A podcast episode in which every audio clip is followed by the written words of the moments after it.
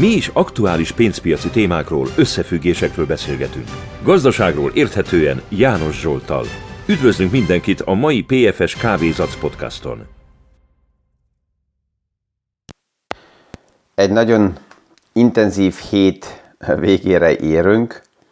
Ezt tudtuk, hogy sok minden fog történni, mert a központi bankok táncolnak, és nem volt annyira tiszta az irány.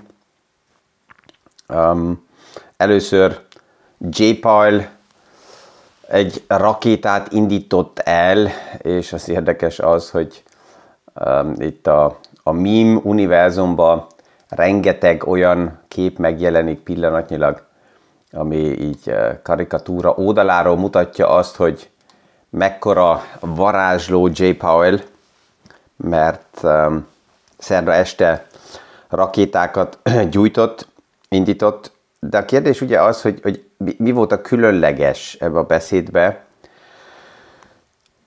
Eddig, amikor arról beszélt, hogy mennyire gondolkozik a Fed igazgatósági köre azon, hogy esetleg kamatot csökkent, akkor mindig az volt a, a wording, tehát a szavak összeállítása, hogy még nem foglalkozunk ezzel, mert az infláció az lényeges, és erre fókuszálunk. És amit most megváltoztatott, az az volt, hogy szinte teljesen természetesen, azt mondta a sajtókonferencián, hogy igen, a kollégákkal a kamatcsökkentés lehetőségét vagy idejét már vitatjuk. És, és ez, ez csak magába annyit fordított, mert, mert ugye ez az, amit, amire a piac azelőtt is fogadott, és a rakéta alapjában nem azért indult el, mert ez annyira fantasztikus hír lenne, hanem hogyha a háttérben megnézzük, akkor nagyon-nagyon sok szereplő az amerikai piacon az inkább arra számított, amiről mi is beszélgettünk így hétfő kedden, hogy lett-e meglepetés, hogy esetleg ezt a túl pozitív hangulatot J. Powell le fogja forrázni, mert neki tehát egy páran azt mondják, nem tetszene az, hogy túl jó a bika hangulat, és túl szárnyalnak a piacok. Ezzel ő azt próbálja szugerálni a sajtókonferencián is, hogy ezzel ő nem nagyon foglalkozik. És mivel nagyon sokan erre számítottak, ezért sortoltak. Tehát short pozíciók voltak elég erősen megnyitva, az indexekre is, több pozícióra is, és mikor a sajtókonferencia alatt lehetett látni, hogy nem jön ezzel a a hideg tus vízzel, és nem, nem, nem hüti le a piacokat, hanem inkább semlegesen marad, tehát a piacok megmaradnak semlegesen, vagy egy kicsit emelkednek, akkor kezdett elindulni egy, a sortolóknak a problémájuk, mert ha emelkedik a piac, akkor egy olyan, aki sortol, tehát arra számít, hogy olcsóbban tud vásárolni majd, annak meggyűl a problémája, mert elszalad a vesztesége, és a sortolásnál ugye ellenkezőleg, hogyha valaki emelkedő piacokra kvázi fogad, a sortolásnál a veszteség az nullánál nem áll meg, hanem elég messze el tud szaladni.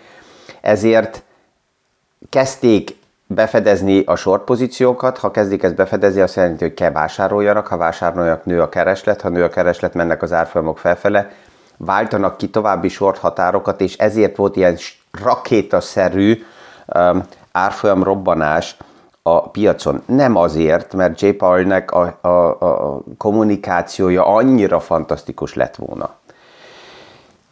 És erre fel persze tegnap az elvárás is nagyon nagy volt Christine Lagarde-dal szemben, hogy akkor mit fog ő csinálni, a DAX délelőtt már nagyon pozitívan indult a napba, 17 ezer pontot, historikusan a legmagasabb szintet át is lépte, be is öltözött parti gadaróba, hogy akkor most jön Krisztin, és hasonló lesz. És nem lett. A headline, a címlapok egyből jöttek, hogy Christine Lagarde a party killer lady.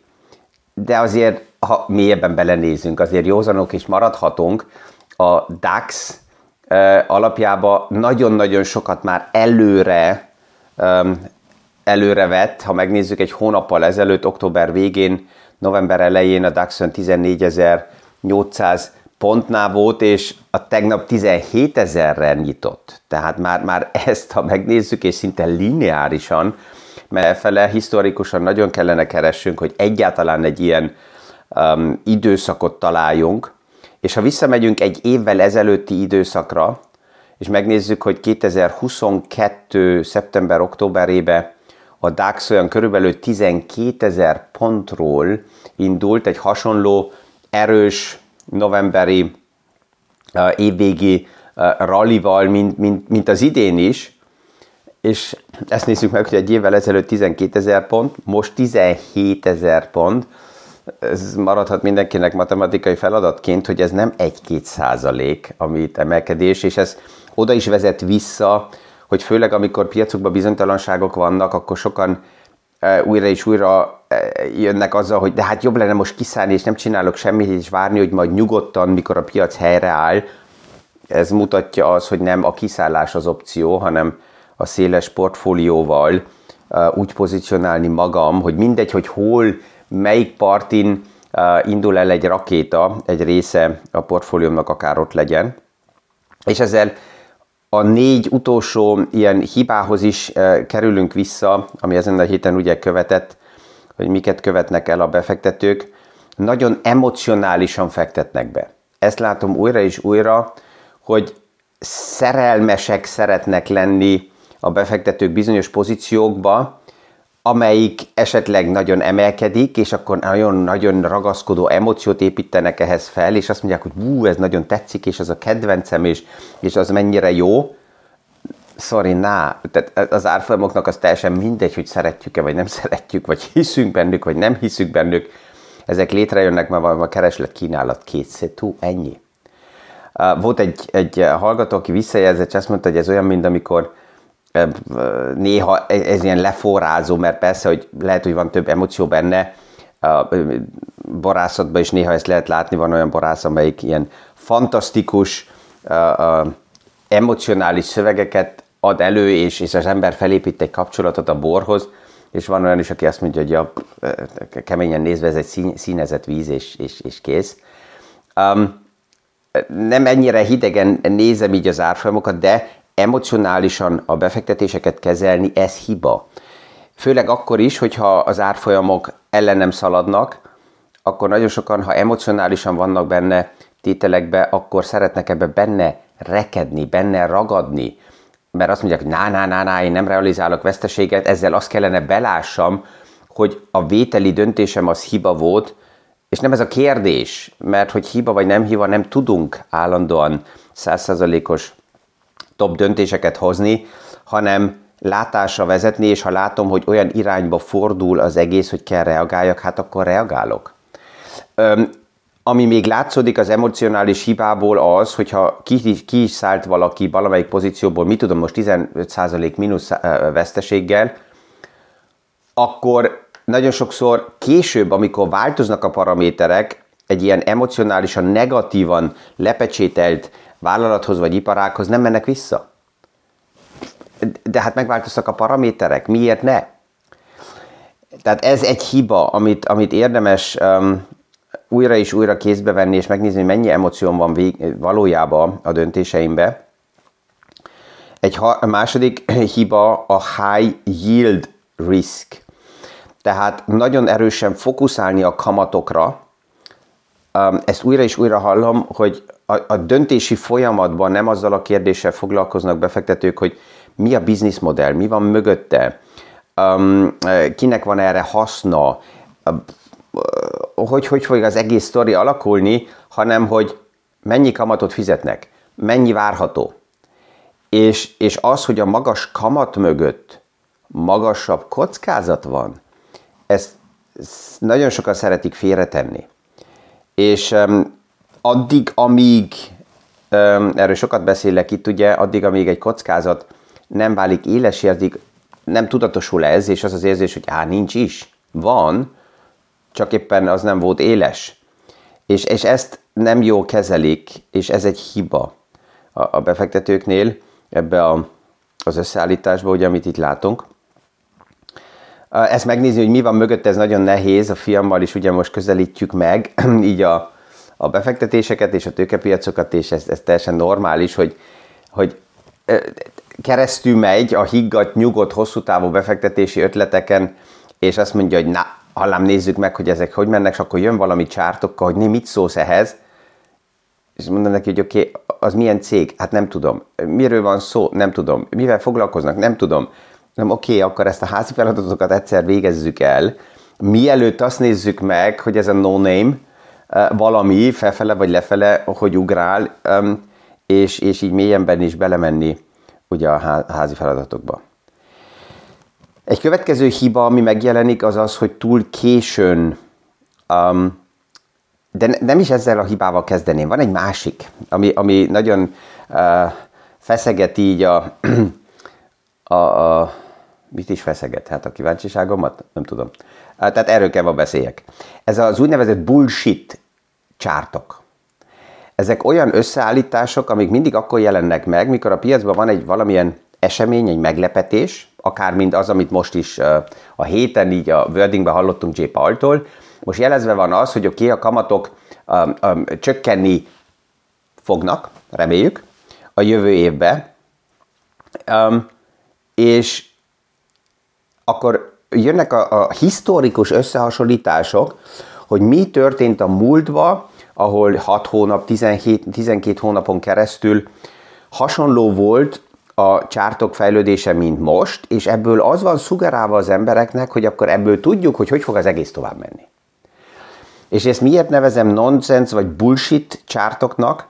Hát azért, mert a technika ma, ma még egyszerűbb, mert a technikával ugye egy olyan programot írni, amelyiknek azt mondom, hogy ne, olyan időablakot akarok, amelyikben a korreláció legyen 92% vagy 90% az aktuálishoz, és meg is adom, hogy azután bikapiacot akarok látni, vagy azután medvepiacot akarok látni. És ilyen időablakokat bármikor meg tudok találni, és hogyha ezek megvannak, akkor azután nagyon egyszerű ezt feltölteni tényekkel, és azt mondani, hogy né, a paraméterek akkor milyenek voltak, most milyenek. Egy ilyen csát, amelyik a kezembe került, az um, 2017-18 időszakát mutatja fel. 17-ben az amerikai központi bank ugye a nulla kamat fázisból szeretett volna kilépni, és elkezdte a kamatokat emelni, ezért recesszió volt várva, gazdasági lehűlés volt várva, de ez nem történt meg, hanem 18-ban csak egy lalassulás volt, aminek az volt a konzekvenciája, hogy egy elég erős uh, rallit láttunk a piacokon 18-ba.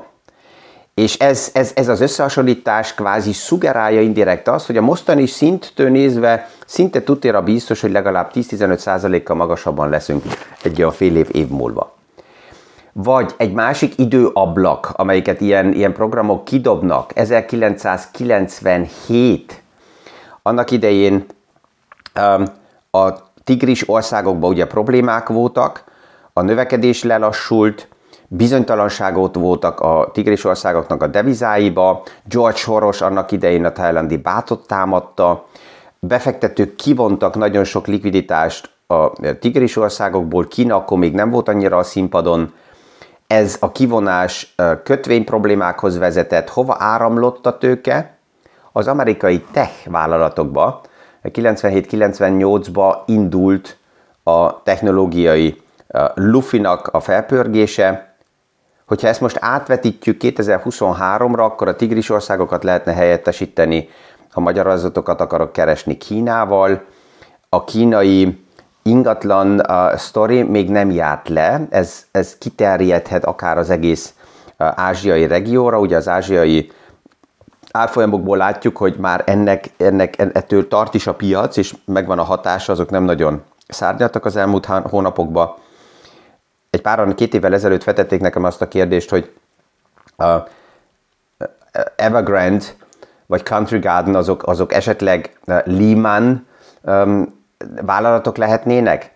És ha már ezt így keressük összehasonlítani, azt kell mondjam, hogy hát nem Lehman, akkor maximum ez a kettő ilyen Bear Stearns lehetne, mert annak idején is, 2006-ban még az volt a vélemény, hogy nem fog ez terjedni, hanem ez csak regionál, vagy 2007-ben ez csak egy regionális probléma, ez mind így volt 2008. szeptember 14 4 amikor dölt Lehman brothers ez a, ez a regionális korlátozási lehetőség, és hogy egyáltalán egy ilyen Lehman kockát valahol találunk-e még, azt még nem tudjuk, ezt majd meglátjuk. Tehát ilyen párhuzamosságokat fel lehet építeni, és akkor ez azt szugerálja az embereknek, hogy keep cool, akkor lehet ide menni. E, ezek ugye mind bika jelek lennének, és ha valaki ilyen medve piacokat akar bemutatni, akkor venni a példát például a 70-es évekből, 70-71, éppen akkor érkeztem meg én, akkor nem is tudtam, hogy nagy inflációs keretekbe érkeztem, és dobtak engem oda ki. A 70-es években egy kicsit lehűt az infláció azért, hogy azután 71-ben nagyon erősen újra egy következő hullámba menjen. Annak idején a Vietnám háború volt a probléma, ami ellen az emberek tüntettek és úton voltak. Most ezt kicserélhetnénk például a klíma aktivistákkal. Um, egy másik csárt, ami medvepiacot mutat fel, az ugye a 2006-2007-es amerikai ingatlanpiacnak a kipukkadása. Tehát ha összefoglalom, akkor az ilyen összehasonlító csártok, ezeket így nevezem, ilyen bullshit csártok, amikor ezt valaki így bemutatja, az általában az aktuális új könyvét akarja eladni valakinek, hogy ebből lehessen akkor látni, hogy mennyire fantasztikusan a múltból össze lehet szedni az összefüggéseket, és ebből prognosztizálni garantáltan, hogy hogy megy tovább a világ. Nem. Tehát ezzel elmagyaráztam azt is, néha kapok így csártokat, hogy János úr mit szól ehhez az összehasonlításhoz most lehetett hallani a véleményemet.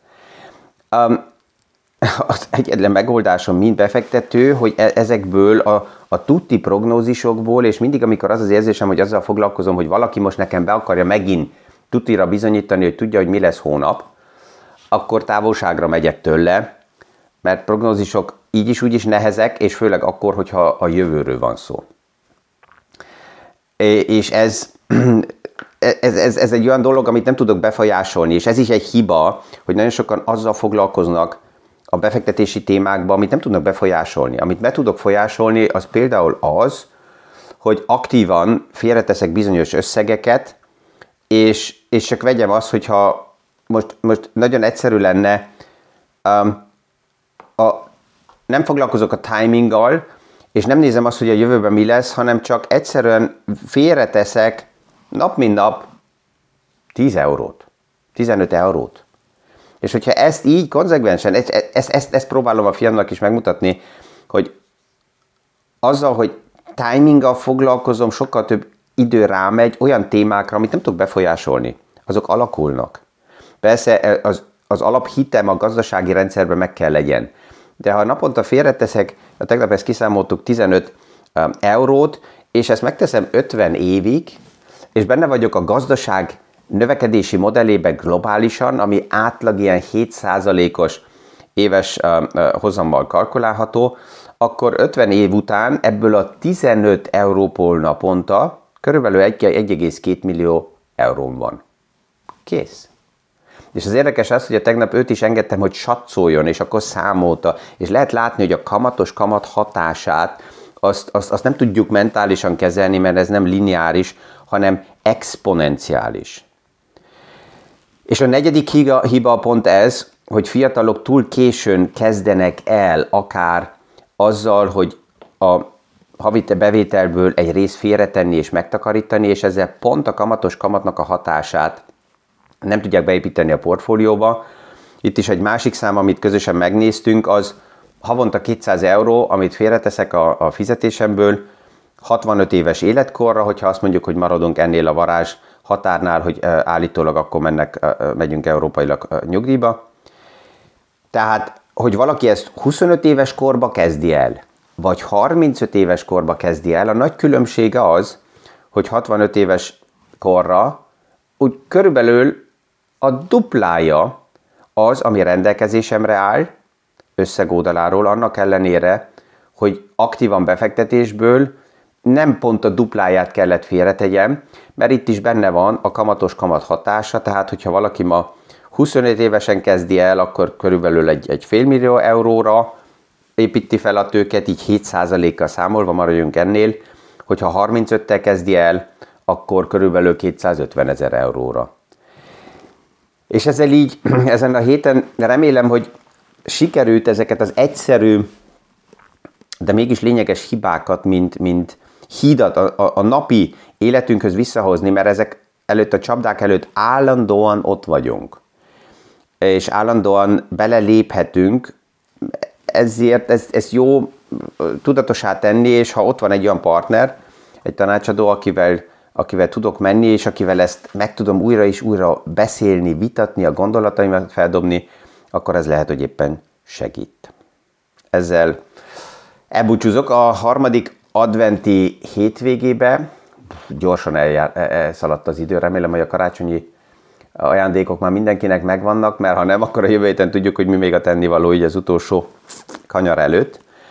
Um, ja, kellemes hétvéget, ennek ellenére um, nem túl sok időpazarlás valahol ilyen shopping centerbe a hétvégén, oda nem érdemes oda menni, jobb hétköznap, és a visszahallásra a jövő heti PFS Kávézatsz podcast alkalmáig.